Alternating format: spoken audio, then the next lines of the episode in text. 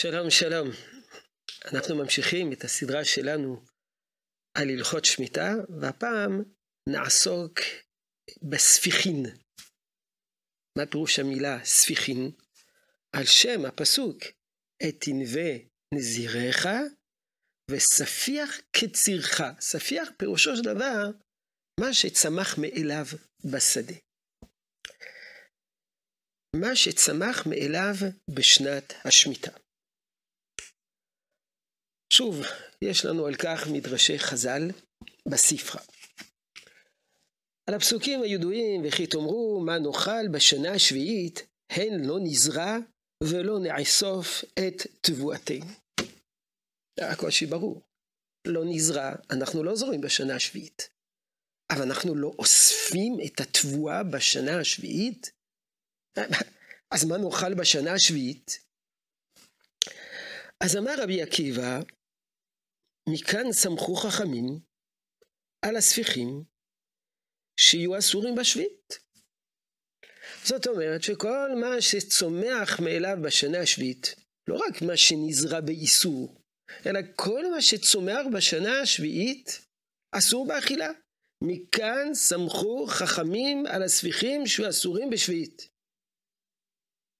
וחכמים אומרים, אין ספיחים אסורים מדברי תורה, אלא מדברי סופרים. נראה שיש פה מחלוקת תנאים. לפי רבי עקיבא, מכאן סמכו על הפסוק הזה. הפסוק הזה, אם הוא מלמד אותנו על הספיחין, פירושו של דבר שספיחים אסור מן התורה. ולעומת זאת, חכמים אומרים, הספיחים אינם אסורים מדברי תורה, אלא מדברי סופרים. אז מה פירוש הדבר, הן לא נזרע ולא נאסוף את תבואתנו? אז יש פירוש אחד, אם לא נזרע, לא יהיה לנו מה לאסוף.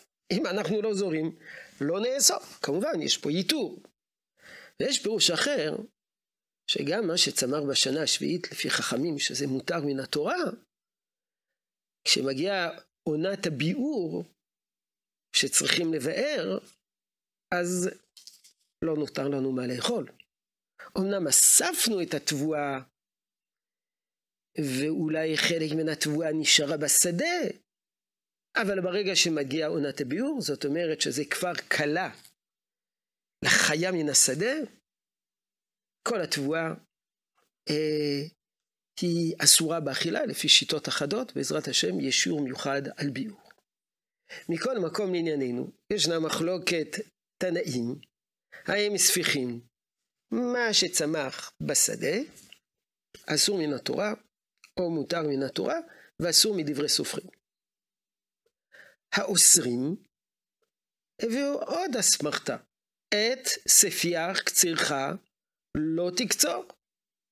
מכאן סמכו חכמים על הספיחים שאסורים בשביעית.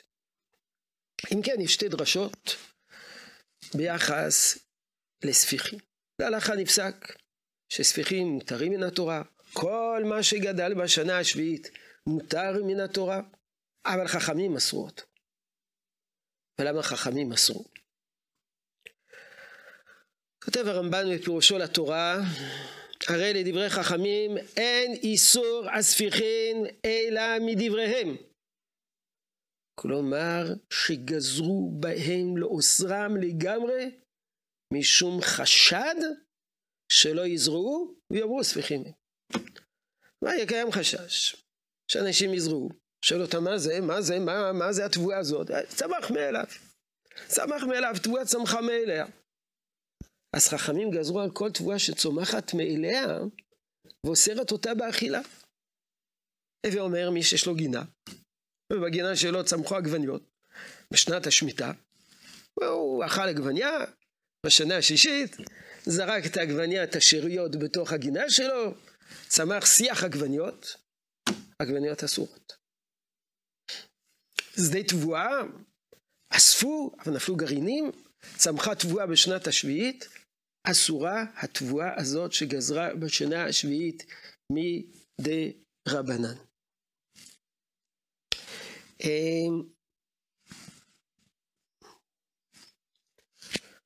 גם כותב הרמב"ם, הלכות שמיטה, פרק רביעי, מדברי סופרים מדרבנן, שהוא כל הספיחים האסורים באכילה. ולמה גזרו עליהם? מפני עוברי עבירה.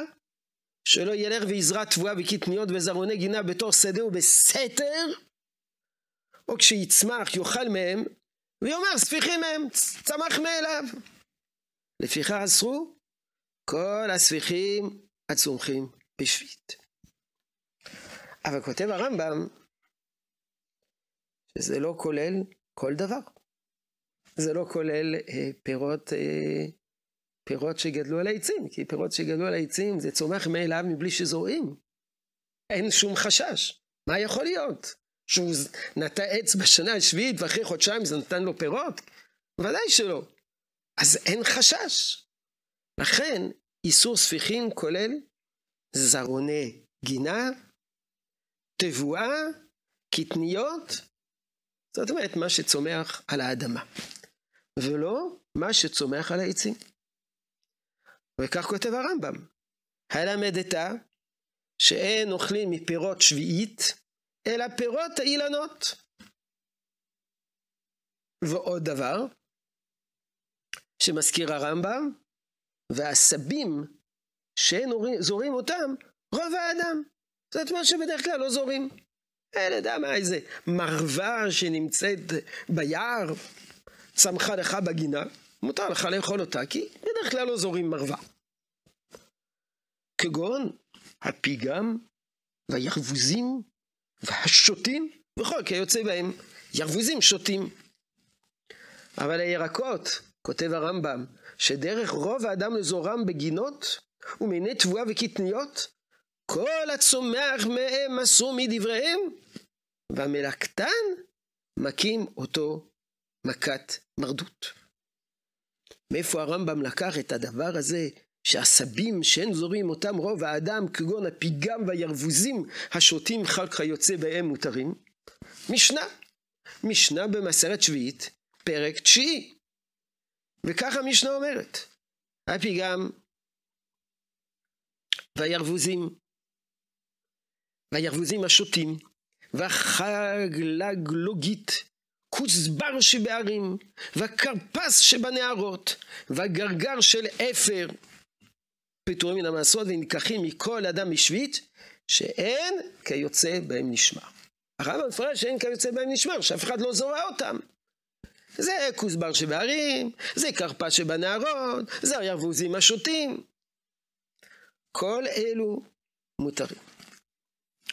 הרמב"ם אחר כך מונה עוד אה, ירקות שרגילים לזרוע, אבל שצמחו במקום שאדם לא מתכוון ולא מעוניין שזה יצמח שם. לא דוגמה, בשנה השישית הוא חרש את השדה כדי להכין אותו לשנה השמינית, וצמח לו שם שיח עגבניות. הוא לא מעוניין בשיח עגבניות, הוא לא רצה שיצמח שם שיח עגבניות, אז הוא מותר. או כגון שצמח לו בכרם, כלי הכרם. ודאי שהוא לא מעוניין שזה יצמח לו בכרם, כלי הכרם. הנה, למדנו שכל הזרעים וכל הירקות שצומחים בשנה השביעית מאליהם הם אסורים באכילה. קל וחומר שמישהו שזרוע אותם באיסור, הם אסורים באכילה. למה? כי מה לי אם אדם זרע, ומה לי אם זה צמח מאליו?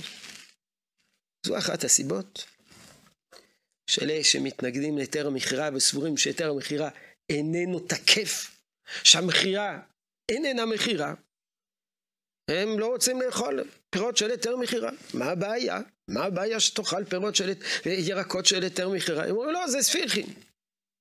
כמובן, אנחנו סומכים על היתר המכירה ואין בזה שום איסור, כי זה צמח בשדה של נוכרי וזה סיפור אחר לגמרי. בעזרת השם נלמד בהרחבה את היסודות של היתר המכירה. אבל מי שלא זומר על היתר המכירה, כל מה שצמח ונזרע על ידי יהודי בשנת השמיטה, זה אסור. לא בגלל שהיהודי עשה עבירה, זה ספיחים, וספיחים אסורים באכילה. אה, ומה אם הספיחים האלו התחילו לצמוח בשנה השישית?